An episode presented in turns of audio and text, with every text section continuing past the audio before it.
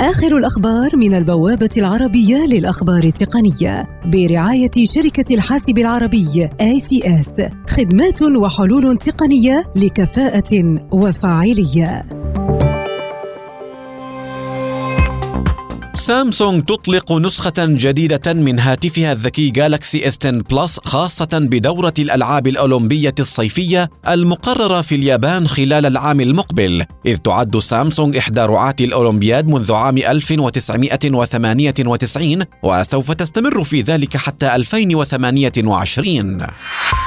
مفوضة المنافسة في الاتحاد الأوروبي مارغريت فيستيغر تقول إنه لا يجب النظر إلى مسألة تفكيك شركة فيسبوك للتواصل الاجتماعي إلا كملاذ أخير كون ذلك سيؤدي لسنوات من المعارك القضائية.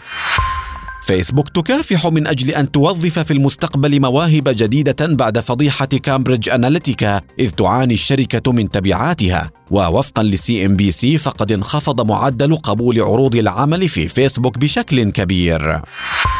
جوجل تحتفظ بقائمة لجميع المشتريات التي يجريها المستخدمون عبر الإنترنت، ما دام المستخدم يستعمل عنوان البريد الإلكتروني الخاص به على جيميل في إتمام عمليات الشراء، وفق ما كشف موقع سي إن بي سي الأمريكي. ال جي تعلن عن تطويرها رقاقة ذكاء اصطناعي لجعل منتجات المنزل الذكي أكثر ذكاء موضحة أن الرقاقة تتضمن محركها العصبي ال جي Neural Engine الذي يحاول تقليد طريقة عمل الدماغ البشري ما يحسن عمل أجهزتها المنزلية الذكية مستقبلا. الاستخبارات الهولندية تجري تحقيقا مع شركة هواوي الصينية بسبب مزاعم بأنها تركت بابا خلفيا يسمح لها بالتجسس على المستخدمين الهولنديين لصالح الحكومة الصينية وذلك وفقا لما أفادت به صحيفة دي فولكس كرانت الهولندية.